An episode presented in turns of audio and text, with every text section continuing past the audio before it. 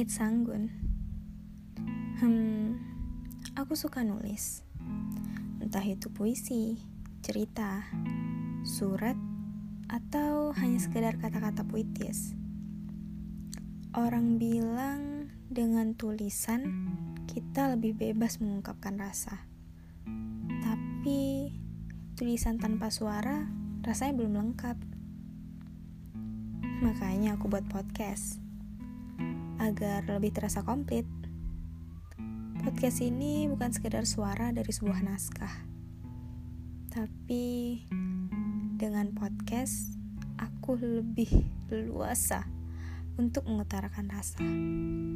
Ya, rasa ini.